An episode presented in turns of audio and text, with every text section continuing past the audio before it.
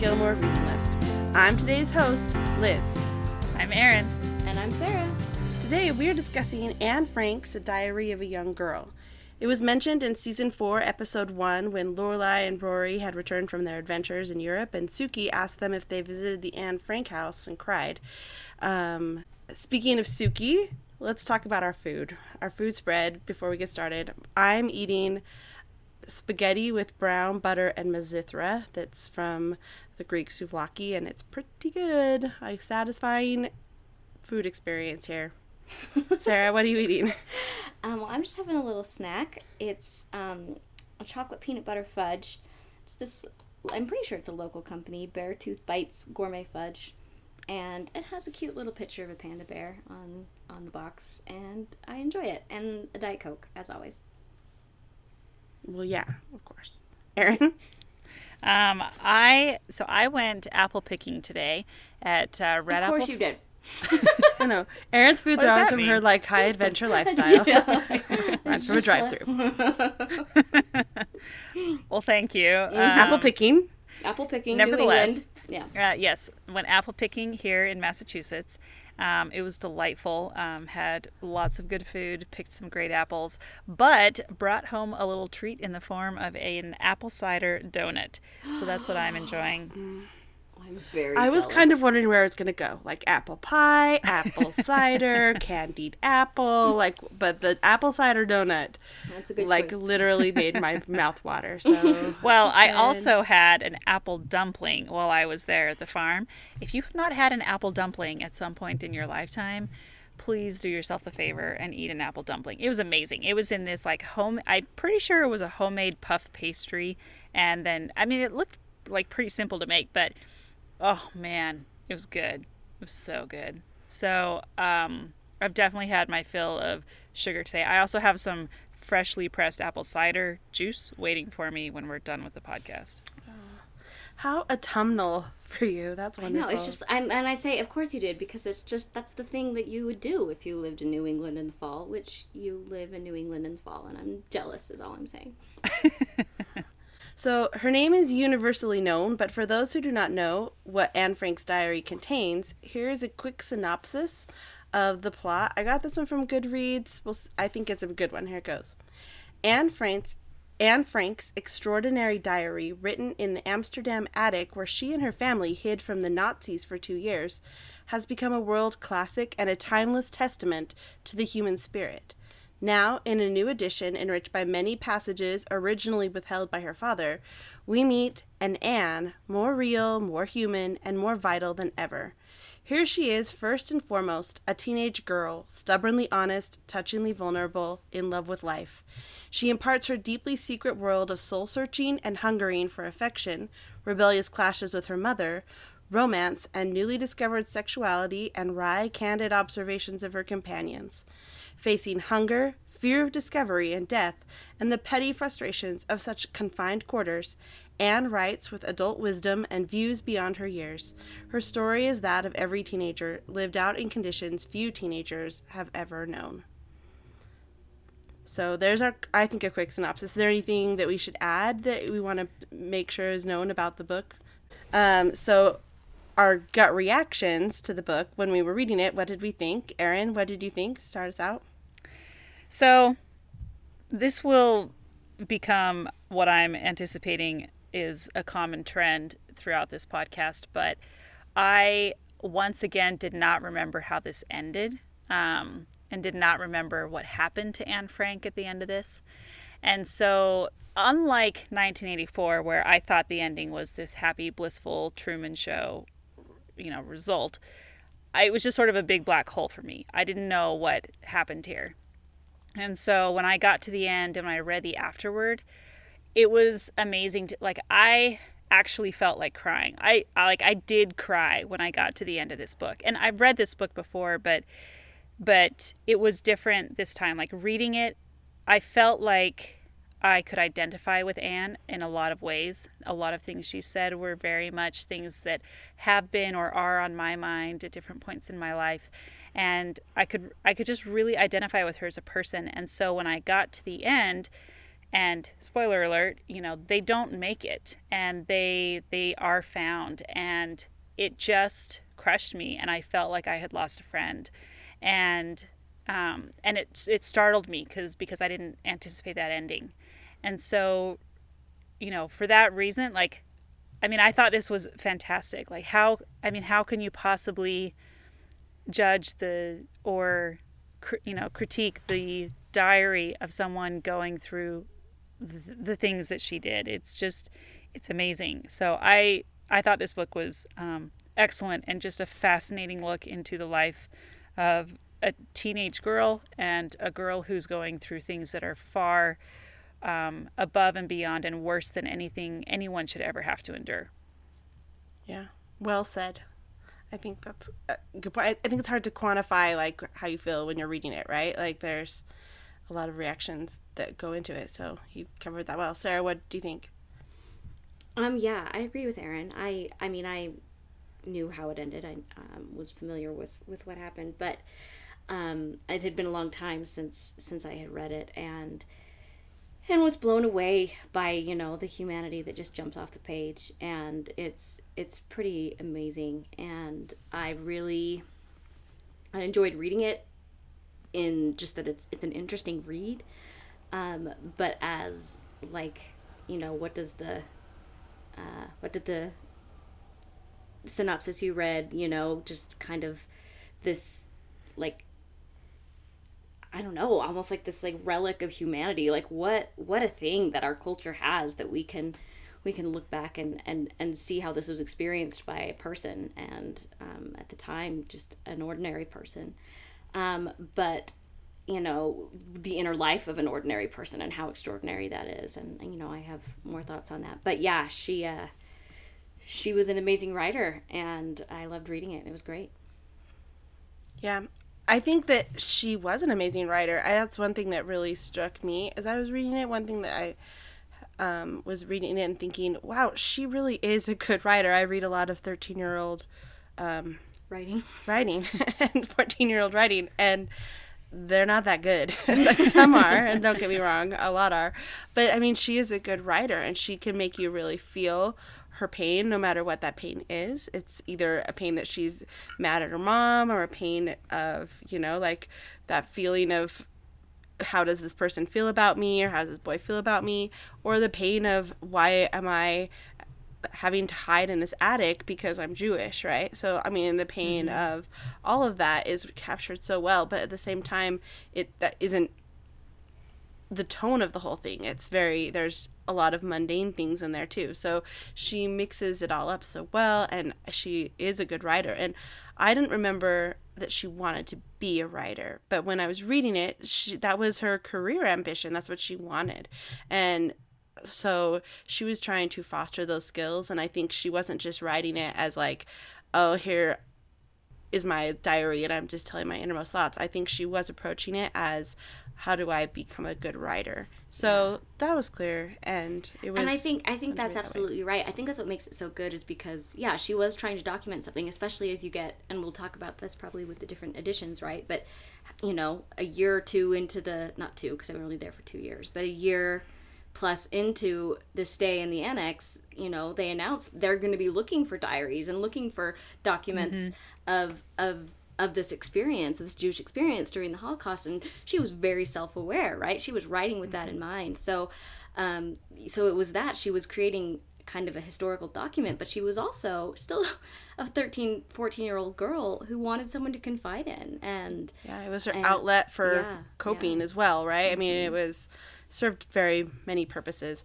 And I have thought of it in a very academic way before too, just because I know it's something that um, it's part of curriculum at school. And so when I've talked about it with other people recently, it's always been right, like as a tool for curriculum or as a as a mechanism for teaching these bigger themes in the book. But this is such an important book, and it helps young kids explore some ideas too, and so learn some principles about prejudice and about the Holocaust, but also just to see this voice of a young person. Um, so it was interesting just to dive back into it and not read it as a teacher, but just read it as a reader. And I enjoyed that a lot. It was a good experience for reading for me. That's all. Yay! Good experiences all around. Yes, other people's experiences. So I kind of went down. I was kind of curious to see what people think of the book, right? And I found a couple of different things. So there's, you know, obviously a wide range of people who don't like it and people who do like it. Um, th- so here's a person on Goodreads, Alex. Alex said, The problem with A Diary of a Young Girl is that it's the diary of a young girl. And Boo. young girls, as you may remember from I don't when like you were person. one, or spent all of your time trying to make out with one, are awful. Oh. It's like 300 pages of No One Understands Me. So clearly that person didn't like it and doesn't like girls, but Boo, Alex. I think Um, that's like, my blood is boiling right now. I'm going to look at my watch and see what my heart rate is. I mean, that's so clearly interesting if people just discount it already because let's not listen to what a young girl has to say. And that flies in the face of anything that I actually take away from the book. So, boo to Alex. Yeah, no. Alex Yeah. sucks. Um, but then I read another review, and this person is almost responding to people like Alex. So, Nilish, I think is how you say um, his name. So it said, Last thing that occurred to me is that many people found it uninteresting and tiresome. I liked it. It couldn't get any better. I mean, they were in hiding for their life, in the same house for two years without even opening the window. They were not solving a murder mystery. I remember that when I was halfway through the book, I would every now and then turn to the last diary entry and count the days that remained.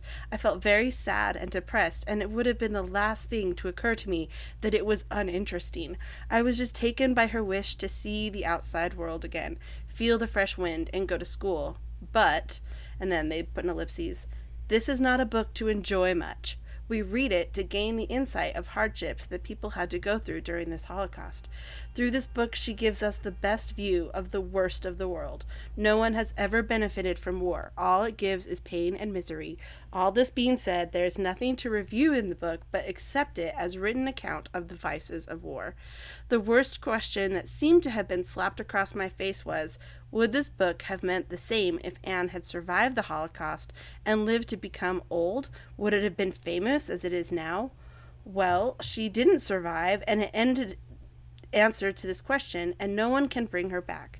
So clearly, this person is also affronted by other people disliking it. But I like the idea that, he, as he said, that it's not something to review, but to accept. Like you're looking at it as uh, what war does, and not necessarily read it and be like, "Was I entertained? I hope so." Right? It's like what Erin was saying. Yeah. Yeah, exactly. So Yeah, think no, I definitely think that like I mean when you're looking at so I read the afterword in um you know in the in the book when I finished and there were there were some things that just struck me so much that I think kind of goes to this point um by Neelish and it's it's after the book was published and um and the play had been created. And I, I might be jumping but sorry. Um, anyway so the so when it was published or i'm sorry when the play was created it uh, in 1956 it opened simultaneously in seven german cities. And uh, in the in the afterword it says audiences there greeted it in stunned silence the play released a wave of emotion that finally broke through the silence with which Germans had treated the Nazi period. For the first time, there were widespread expressions of guilt and shame for what Germans had done to the Jews only a few years before. And then, and I thought this was even more interesting. Uh, it said in Amsterdam, Queen Juliana attended the play's opening on November 27th. This was the city where the events of the play had actually occurred, and many Netherlanders who had lost families and friends in the extermination of the Dutch Jews were in the audience. There were audible sobs, the New York Times correspondent reported, and one strangled cry as the drama struck its climax and conclusion the sound of the Germans hammering at the door of the hideout. The audience sat in silence for several minutes after the curtain went down and then rose as the royal party left. There was no applause. And I mean, I just got, I, I get chills yeah, when I think of that. And just, you know, the, th- the thing about a diary is that it is the innermost thought. It's, it's everything inside of you that you feel you can't share with someone else. and it's deeply personal and deeply intimate because of that. And Anne writing this, even though she was writing it with a view probably towards publishing it um, in the end, I mean, or at the very least, someone seen it. Like I think she would know that someone was eventually going to see this, right? But yeah, True. go on. yeah but she's still she's still writing it in the form of of it being a close and personal friend i mean she's writing it as letters right she's writing it like she's writing to kitty to her friend kitty and um and i think it's just it's like you said liz or and like this uh, review said it's something that you just accept like there's not a lot of i mean my diary entries tend to be very stream of conscience there's not a lot of punctuation i just like write things down and like get it out on paper hers was much better written um, she was probably trying a lot more than i was but She's a good writer. she is a good writer good she's a very good writer And she was so mature. Oh my Yeah. gosh, she was so mature. When Mm-hmm. I was 13, I mean, we'll get to that. I was not that mature. yeah. but it's just it's just amazing like to read a journal like this and to see the absolute humanity in that in, in that situation and what they what they went through Yeah. It's I mean, it, that's I think it just means that the book is so important, right? I mean, mm-hmm. I am am- amazed that they finished a play and then there's no applause. Have you ever been to a play where no one applauds applauds at the end, where it's like stunned silence? I mean, I've been to I've been to lots of plays and musicals, and usually that's the reaction is a thunderous applause, right? And mm-hmm. it's not silence because it's bad; it's silence because you don't know how to process, right? Yeah. So that's fascinating. Well, and several of the people who were in that, I mean, they were people who would who who would have lived through that, and who would have lost people, and just mm-hmm. the seeing being confronted by that. I mean, ev it, yeah, it just it would be. I mean, for me, you know, this happened in like ni- the 1940s, right? Like 1944 is the last entry, and so it's been how many years? Like 70 years since then and um, 75 years almost. And i'm still at the point of tears when i read it and when i when i get to the end of the story. Like i can't even imagine what it would have been like to be someone who had lived through that and to see this and have to re- kind of relive it again. It would just be crazy Oh, yeah, well, I just think the point is that there is just something that resonates that's timeless about it. You know what I mean? It's it's this really human voice that speaks out for all these millions of people that were killed and and I love that it's a young girl. I just I mm-hmm, mean mm-hmm. it's it's so powerful. It's so powerful. I think that for sure there's a, an added gravitas if you were a contemporary at the time and you know you lived through that that time but i i don't think its its power diminishes that's the thing that's so great about it Well, and I think I, I, you know, was listening to a class talk about it yesterday uh, at school, and the kids were, I mean, they were reading it right now in an eighth grade class, not my class, and I could hear the discussion going on, and the kids like, so wait, this is real? Wait, what?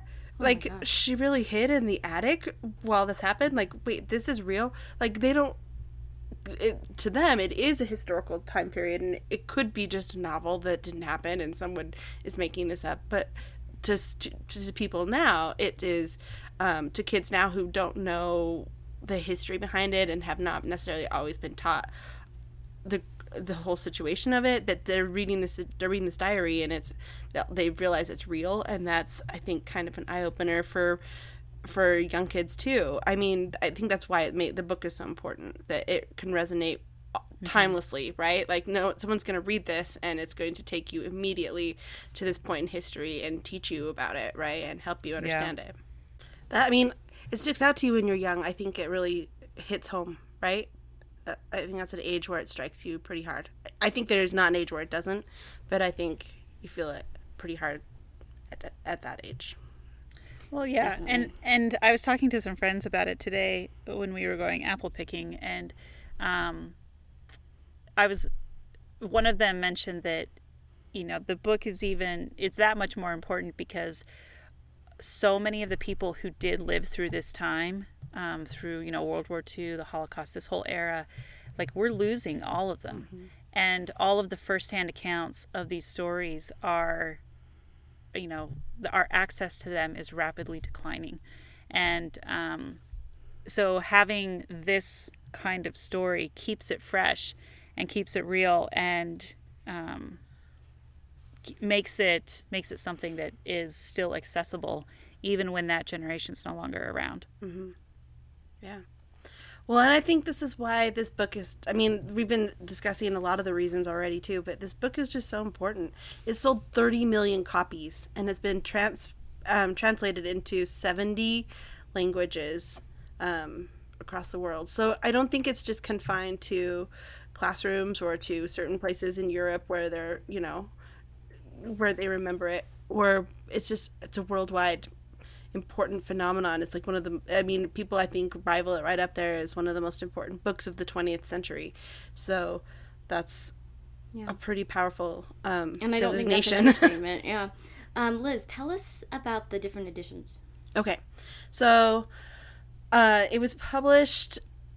Well, they found the papers, right? It was a. It was not always just a journal. She did get a journal, and she was 13 and that's what it starts out as. And then eventually it becomes kind of loose leaf papers that she puts together. And they were scattered around a little bit and they were found by Miep uh, the one of the women that hid her hid them. And when otto frank came back after the war ended and he found the diaries and he found all the papers he published them. And there's two versions. There's a version A where they take out a lot of the names because they don't want to implicate people who helped them. They take out a lot of the harsh stuff he sa- she says about her mom, and they take out a lot of the passages where she talks about sex sexuality and her body and things like that. So they kind of edited those out, and then they made a version that was uh, more more ready for school. So there's like a school version. I don't. It's not called a school version, but it's just they. It's the one that you probably taught got taught in school, and a lot of those passages aren't there. And when you read it, it's probably Albert Dussel, who's the person who lives in the um, room with her, and it's the Van Daans, and those aren't the the names get changed. So and then on May 18th, they found other version. They found other pages that she had taped over and like covered up that she didn't want people to see, and apparently they had some dirty jokes in them.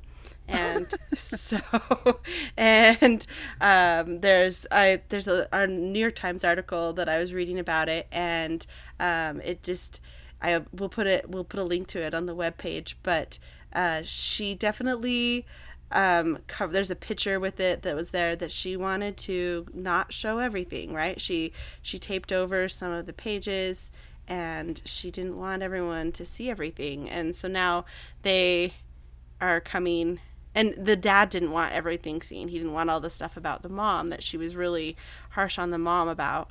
Um he didn't want that out there either. So there's different versions but i think as they as after Otto Frank died, and as people have uh, have used the the foundation that they donated it to, the Anne Frank Fund, I think is what it's called. They've published the definitive version that Sarah was reading, where it has all of these things kind of melded together. together, yeah. I think it's time. Are you guys ready? Oh. oh I'm are we sharing now yeah. Don't you think we just talked about diaries? Let's share our diaries. all right I'll start. I'll start. I'll start. this is like, woo. Okay. All right. Um, I chose an entry. um, I chose an entry from when I started junior high.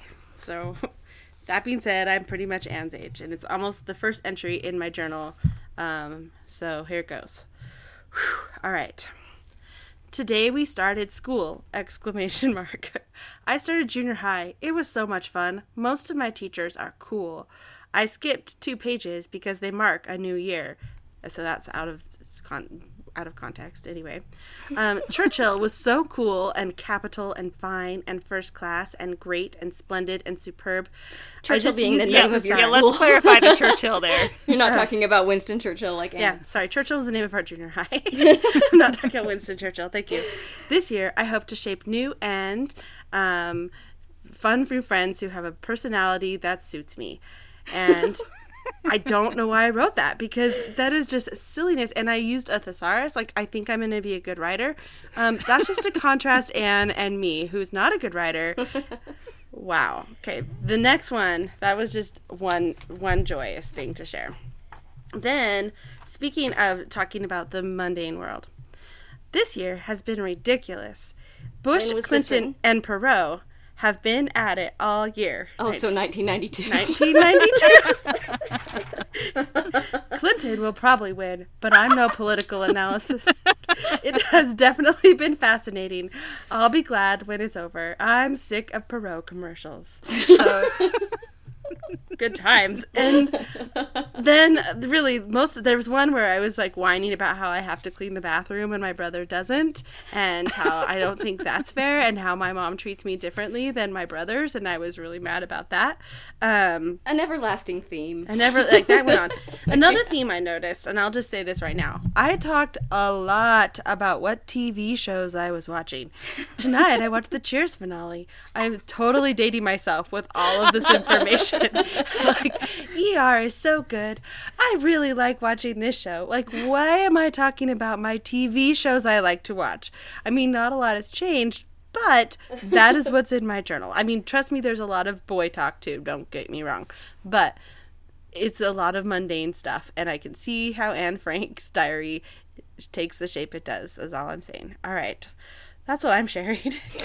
Next, Well, I just, again, to contrast, Anne Frank was a beautiful writer. She would ponder these great, like, questions of like, human justice and we're not Anne Frank. We know. and and you know like these like what it meant to be oh, i don't know. And then here's me. Dear journal january 18th 1998 what's up? I'm okay. Today was amy's birthday. I'm not getting her anything because she didn't get me anything for christmas and i got her something really nice. Oh well i'm so psyched titanic won best picture for the golden globe awards Sarah writes a lot about I'm Titanic. Liz is here for the weekend. She is being a poo. On Friday. On Friday, I had a sleepover with Brittany and we watched my best friend's wedding. It was so cute. I got the soundtrack to Titanic this week too. it's awesome. On Monday, I went to the orthodontist. I have to have every possible tooth treatment done to me. It sucks. I went shopping yesterday. I got some cute stuff. I saw this shirt I've been wanting for months now. Well, it wasn't on sale, so I couldn't get it. I'm so sick of that. I hate not having any money. It seems like J- March outside now, but it's mid January. Whoa!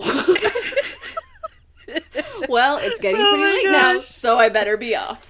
Isn't that a gem? She called me a poo in it. Did you hear that? oh my gosh, that's so great. Let's hear yours. Mine wasn't funny either. Mine was just sad. All right. So I wanted to choose something from when I was Anne Frank's age. However, the fact that I my family lives on the other side of the country means that all of my journals from that time period are also on the other side of the country. So I chose from You mean you didn't want them to go through them all for your, your I mean, that Yeah, would have I- been more authentic to Anne Frank's experience. I actually did consider for a brief moment calling my mom and saying, "Hey, can you go pull out these uh, diaries and read them to me or scan them so I can find a good entry?" And then I was like, "I don't want her to even know they exist. I think I'm That's perfectly fine just territory, leaving them as they are." Um, anyway, so I chose. Um, okay. So I decided that it would be fun to go. I mean, part one thing that one thing that surprised me about this book was um, how much Anne talked about um, uh, just about you know how, about boys and how boy crazy she was. yeah, and, boys. You know boys. and, and explore and like becoming a teenager right and like hormones and all of the things that come with that and um, so i thought it would be fun to choose a dating post so that's where i'm going with Ooh, we're getting real. I know right Well, I mean, it is like the last half of Anne's diary, like the whole thing. it, is yeah it like- really is oh, Peter. so no first of all these are not going to be real names i'm going to call everyone bill because it's just better um, and then the second thing i do use the acronym nicmo and for those of Oh. you who may not know what that means oh, it means non committal makeout. So just, okay. All right. So here we go. okay, March 25th, 2011. So I'm back to thinking that maybe a little Nickmo action would be good for me. Apparently, I have all sorts of walls up that are making my view so myopic that I become paralyzed by perceived possible outcomes and put up walls so as to avoid getting to those outcomes. My mom thinks I should see a therapist. My dad thinks I should, should listen to CDs on communication. Bill thinks I should just make out with him. Frankly, I like Bill's suggestion the best, even though my myopic outcomes terrify me. Maybe I'll give Bill a try first, and if that doesn't work, I'll do the therapist. Who knows? After Bill, I might need one anyway. okay, March 26th, 2011, next day. Disney movies really do ruin your perception of love as a little girl, and it messes you up for the rest of your life. I mean, who honestly meets some bad boy scoundrel and three days later falls madly in love with him, and he with her, and he's instantly willing to drop all his bad habits just to be with her? It's terribly unrealistic and destroys all your hopes for love in the future. I do think I have walls, though. I think I'm so terrified of either doing something wrong or getting hurt that I'm not willing to go anywhere with anything unless I'm positive it's a direction I want to go. So I put up walls to protect myself. So maybe I need to loosen up and realize that people do this all the time and nothing bad happens. If they can do it, I can do it too. Okay, March 27th, 2011, next day all right, I'm giving in. I'll go see a therapist. well, that's a little journey. I love it. I like it too. Um, I mean, if you guys want to hear more of my takes on Titanic, they're in there. and I want to hear what happened with Bill. oh, we don't need to get into that. All right, I'm just saying, like these little snippets of our lives are so fascinating. One other one though. Yeah, let's hear. Um, just because. I mean, I think the takeaway really is that, mm, you know, she was a young girl. She was writing about her love life. She was writing about her relationships with the people there. She wrote about what her day held. And I think the levels of our, you know, entries also show that, like, that's what depend, you know, I think as you mature, right? Like, you stop worrying about how cool junior high is, and that's the word yeah. you use is cool. Then, you know, you move on to more well, I think I think you just what what I really appreciate about this book is is that Anne's voice how much she wants how much she wants to be taken seriously. Mm-hmm. She yeah. she dwells on that so much and and that's something that I think any girl, young or old, um, relates to, right? She wants the world to listen to her and to know that her contribution is just as valuable as anyone else's. And so and and to not treat her with um, you know, condescension or oh, you're just a kid or you're just a girl. Um, isn't that cute that you're writing in a diary? But no, like she has real powerful thoughts that she wants to share and i love i love it's just a beautiful sweet piece of justice in all this tragedy that you know it's her voice that lasts and mm-hmm. and um and but yeah that was something that really stood out to me as something that I've related to through my whole life and I always thought it, maybe it was a youngest child thing but maybe it's just a a, a young person thing. You just want to be heard and you want to be understood and you want someone to listen to you and to to understand you. And that was a, a big, huge part of, of this of what this diary was for her. And uh, in addition to, you know, practice for her writing and, and keeping a, a document of what was happening because that was she was doing that too. But I think that's something that all young girls, not all, that's pretty broad, but that that a lot of young girls relate to is that feeling of wanting someone to listen to them and to be taken seriously and to know that their emotions should be taken seriously. Just because they're young girls doesn't mean they shouldn't be taken seriously. And so I think that's what got my got my temperature up a little bit with that review you read us Liz of that person who's like, "Oh, just a young girl, who cares what she has to say?" Like a young girl is just as much a human as as anyone and she has so much to give and so much to share and if you know what if we hadn't what, what if we didn't have this you know this perspective and think of all the young girls that we shush or that we don't really give any credence to because they're young girls and so i just yeah, I just think that's almost the biggest takeaway for me is is that she demanded to be listened to and to be taken seriously and ultimately she was. Yeah. Well, that's one thing that she loved so much about Peter too. At least, um, and you know, initially it was the idea that she could find in in him the companionship that she was so desperately seeking, and that he was so gracious to listen to her and to that he never like tired of her the way that others seem to. um, a takeaway for me, like something that really stood out to me, was that line in the book that I think is very famous, but how at one point she says, In spite of everything, I still believe that people are really good at heart. And I just think for me that stands out because she, like I said, has been in this space with these people where it would be really easy not to see good in people all the time. And she's in these conditions because people refuse to see good. There's a lot of bad in the world, right?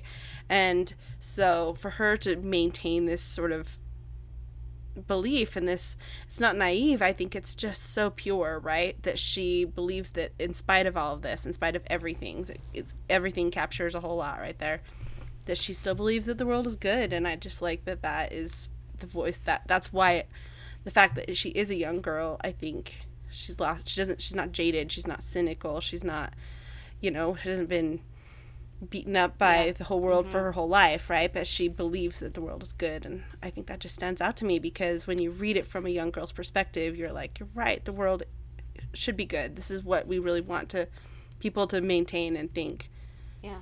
Well, she talks a lot about hope too, and you know, near the end of the book, and how even though things are so bad, you know, when they get to the point where they're they don't have a lot of food left, they're um, starting to go really hungry, and it do, you know they're not sure when um, when liberation is going to come, and yet they still have hope, and and she still has hope, and I think there's something really profound in that too that she just had sort of this unconquerable spirit and and even at the end you know in the afterward when it's talking about um, when they were interviewing people who had been in the um, concentration camp with her and they're talking about how people would walk around just like half dead just kind of like zoned out and had just sort of had some of that humanity beaten from them. But anne on the other hand would sit there and watch you know the little kids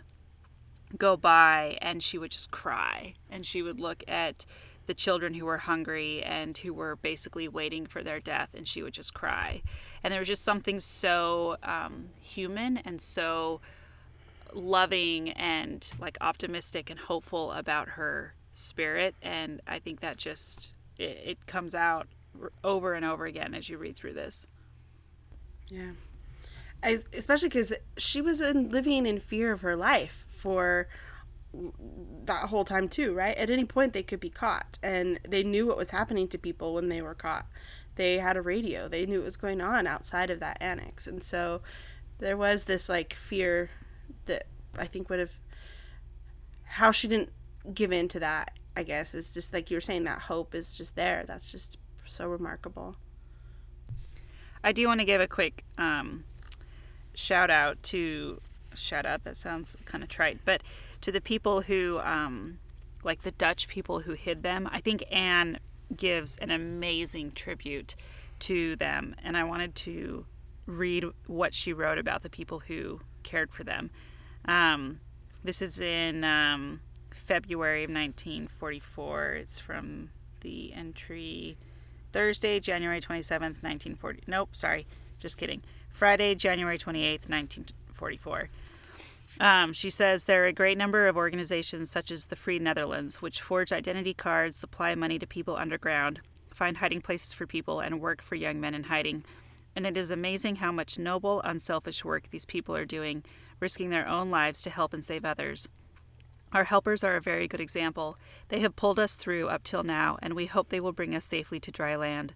Otherwise, they will have to share the same fate as the many others who are being searched for. Never have we heard one word of the burden which we certainly must be to them. Never has one of them complained of all the trouble we give. They all come upstairs every day, talk to the men about business and politics, to the women about food and wartime difficulties, and about newspapers and books with the children. They put on the brightest possible faces, bring flowers and presents for birthdays and bank holidays, are always ready to help and do all they can. That is something we must never forget. Although others may show heroism in the war or against the Germans, our helpers display heroism in their cheerfulness and affection. And uh, I guess kind of going back to the the idea that like the Diary of Anne Frank is not like Sarah was saying a dramatic or um, like super intense book. I mean, it is because of the topic that it's dealing with, but it's about the day to day life of people in hiding, and the people who were helping them were heroes in their own right, and they were absolute heroes to the people that they were protecting. And um, I think there's just something really powerful in the small and simple acts that people do on a day to day basis to protect and care for the people around them, especially in the face of danger to their Yeah. own lives and their own families and everything that's going on around them. I mean, they did not have to go through that, and they did at great personal risk. And it's it's incredible, and I think her tribute to them is amazing. Uh, that's I think I love that you shared that passage because that resistant like the people who the resistance at that time would have been so scary right like that's one of the profound things that you read about the Holocaust now as I've read more novels and more history is that how dangerous it was for people to really stand up against it right? Like and why it could happen in the first place and how it got to that. And so, you know as you mature and you realize what the tragedy of that whole of that whole time period was and then you think how brave those people were to hide them and to resist and think what would happen today right? Like or you know how would this it's just that's an interesting Definitely. I I found myself wondering because you know when I first learned about the Holocaust and spent a good deal of time learning about it in in school, and seemed you know and read lots of books about Jews in hiding and the people who took risks to hide them, like this book or The Hiding Place or what's the other one, the Lois Lowry one, the Number the Stars. Yeah. or there's Um, there, there's one there's another one the upstairs room Yeah, and and it seemed so natural. Of course, you know, you want to. Again, I mean, just kind of like the the hopefulness and the goodness of a child. You're gonna you're gonna do you're gonna risk anything. As an adult, you really understand much more what those risks really were, and wow, would I be that brave in and and and really just how profound um, those uh, those sacrifices were. Yeah, it was incredible bravery. Um, well, I think we're gonna the we're gonna shift gears just a little bit because now I mean this is a heavy topic, and I read was somewhere that one school district banned it because it was a downer. So that's pretty stupid. Oh, but like, Really stupid. I know. I mean, most like that's not really the point. The point is, is that the book is, um, you know, it's a, it's a heavy topic to talk about, and uh, it's also one that has popped up into pop culture, and there's ways it's popped up there too. And one of the ones I want to really explore is the connection to *Fault in Our Stars*. I love that book. So, if you've read the book or seen the movie, there is a pretty, you know, profound scene or important scene in the book, um, in the movie that takes place in Anne Frank house, and the where the two characters Hazel and Gus. Gus go to the Anne Frank house and they kiss upstairs in the t- top floor. Spoiler. Which sounds a little like I know it was a controversial uh, thing. yeah. When the movie, uh, yeah, but in the book, are you going to read where it talks about it in the book? yeah, yeah, yeah. I will. You have to give it the good context. So I am. The book it doesn't seem weird when I the movie apparently was kind of weird, but in the book it says, um, in the book it says Augustus Waters. I said, looking up at him, thinking that you could not kiss anyone in the Anne Frank house, and then thinking that Anne Frank, after all, kissed someone in the Anne Frank house, and that she would probably like nothing more than for her home to have become a place where the young and irreparably broken sink into love, and well, the thing that I well, I like that, but the thing that I that I liked, um, the connection between Anne Frank and The Fault in Our Stars. Have you read it, Erin? I have not. It's really good. Have you seen the movie? Nope. Oh my goodness. I know. Where have you Where have you been? it's almost I've like been- you were in law school when that came out. Anyway, so um, the story is it's, it's about a teenage girl with cancer, a girl, a young girl who's dying, and um, and which sounds a bit maudlin. Like love and cancer stories tend to not be my favorite, but it's just handled with so much wit and realism and it's wonderful. It's such a good book. But um, I like the I like the parallel that it draws between Anne Frank, a young girl who, while she was writing, wasn't as cognizant of her own mortality, but um, but I, I just like the the parallels it's drawing between Hazel, who is, um, you know, this this young this young woman full of life, and and and how tragic that is when when a life is going to be cut short, and I I like the the allusions to Anne Frank. Well, they context. use they use Anne's story as a metaphor, really, for about like the idea of like someone suffering. That's not your fault. Like life has dealt you something bad, and you're suffering, and how you choose to do that, and also the mark you leave on the world. That's a big theme in Fault in Our Stars too. Is just totally. like mm-hmm. what impact do you have on the world. And John Green said this who's the author of yeah, John Green, author of Fault in Our Stars. He went to visit the Anne Frank house and he said the book, the and the the book that you have at the museum where you see some names and some things that happened there. He said the book was turned to a page with Anne Frank's name, but what got me because this is a book from the from the concentration camp. The book was turned to a page with Anne Frank's name, but what got me about it was the fact that right beneath her name there were four Aaron Franks. Four four Aaron Franks, without museums, without historical markers, without anyone to mourn them. I silently resolved to remember and pray for the four or- Aaron Franks as long as I was around. So, for every Anne Frank out that's out there, right? There's millions of people who also who died that we don't know about, right? That don't have their Yeah. story told, and who did. Who, and, and it's like it and it's like what I was saying before. It mm-hmm. falls on Anne to speak for them. yeah. And and I just love that it's this this powerful young girl that no one would expect anything great from. Yep. But mm-hmm. she left her mark on that world, right? On our world, And right? doesn't she? Isn't there a mm-hmm. quote? I would have been smart if I had marked it. But she talks about how she wants, like, like you, what you were saying is the same with the Fault in Our Stars. She wanted to live after she died. She wanted her, she wanted to make some mark on the world, and it's so, you know, beautiful to think that she did. Yeah. It was controversial though in the movie though. They were they were worried about how it seemed insensitive and to compare these two people, right? And I can see it. I mean, it's not like it's Justin Bieber who went there and said that Anne Frank would be a believer. Yeah, he wrote. That I'm sorry. book, I'm didn't he? laughing because of the absurdity. I mean, that happened. so I mean, she very well might have been. yeah, but- but, come on. Come on. It was it was not a shining pop culture moment for him, I don't think. um Not that he has many. No, well, I don't know. We can get into that later, but I guess um, let's talk about Yes, the movie Tune version. in for the second half of the podcast where we discuss Justin Bieber's cultural legacy. Can't wait. Uh, so there was a 1959 movie. Well, actually, there was a play first. Um, Albert Hackett and Frances Goodrich based a play on the diary, and it won a Pulitzer Prize. And the movie went on that they based the based the movie on the play. So it's a play based on a diary and a movie based on a play. And the movie won an Oscar um, for Shelley Winters, our good friend Shelley from American Tragedy or from Place in the Sun. Um, Shelley Winters won an Academy Award, and she donated it to the Anne Frank House, so you can see it in in Amsterdam if you go visit the house. Um, which I really want to go visit, by the way. like, Yeah. does anyone else? Podcast trip. Yeah. okay. Um, there is a really cool website that goes with it, so I'll put that link into the web page as well.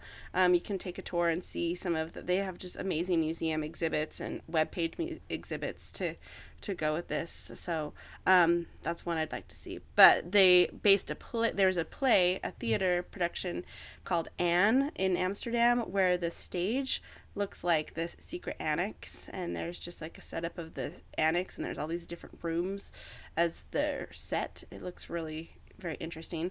Um, but there's been a lot of um, there's been a few productions that have come out. There was a bbc um, miniseries production that came out i think like 2016 or 2014 um, this more modern and uh, I haven't seen it, but a friend of mine was telling me that she uses that one at school because she really gets more of how Anne Anne was this writer and how she just wanted to be a writer, and that becomes more clear in that version than in the Shelley Winters version, which I think other eighth grade teachers at my school show. So it's kind of like a debate among teachers which version to show your classroom, but both apparently are very good.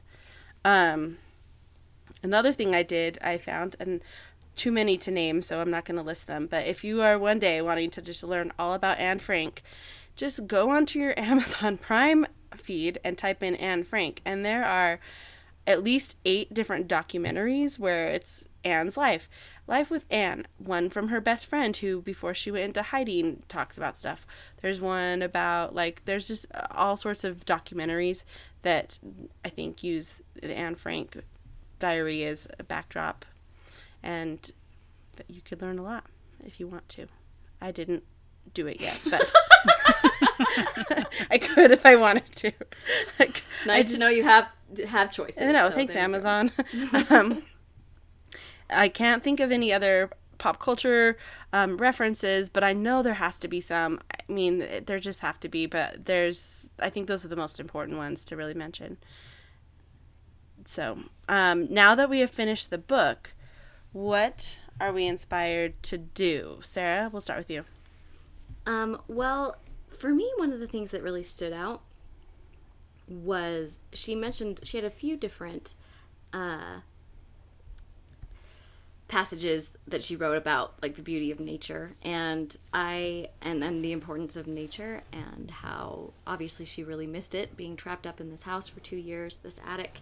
And even though it sounds like a pretty cool attic, I you know, you're still going to miss the outdoors, which she says is the best remedy for those who are afraid, lonely or unhappy is to go outside, somewhere where they can be quiet, alone with the heavens, nature and God, because only then does one feel that all is as it should be.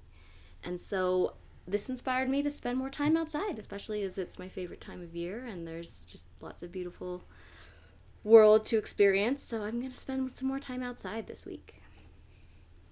All right, that's a good one. Erin? Thank you. Yeah, so I I've talked about this before on a different podcast episode, which I can't remember. At first, I at the thought you meant like I was like, Erin, are you podcast cheating on us? Like, what other podcasts are you on? What? Uh, did I say that? I meant on this podcast. yeah. Sorry, On a different saying- episode, you mean? Yes, on a Uh-huh, different uh-huh. episode. Sorry. You are the only podcast in my life. Anyway, should be. um, As it should be. Yeah. this yeah so this inspired me to do more journaling and to be more diligent in my journaling and i think i've talked i mean i know i've shared that before as a goal to do but it's like impossible to walk away from this and to not appreciate the power of a diary even if even though my diary will probably never have the kind of impact that anne frank's did um, you know, and even if no one ever reads it, just having things about your life chronicled in in a way where you know you're showing your own development and um, things like that tend to just be so valuable to the people who love you later on down the road. And um, anyway, I don't know. It's it's true. Kind of like my journal entry from December seventeenth, nineteen ninety five, where I list out some New Year's resolutions. Do you guys want to hear them? Yes. All right. I'm not going to read them all, but just some stuff that'd be really important to my family later, I think. Number five, grow out all my bangs. Number three, take a shower four times a week. Number seven, learn to rollerblade better.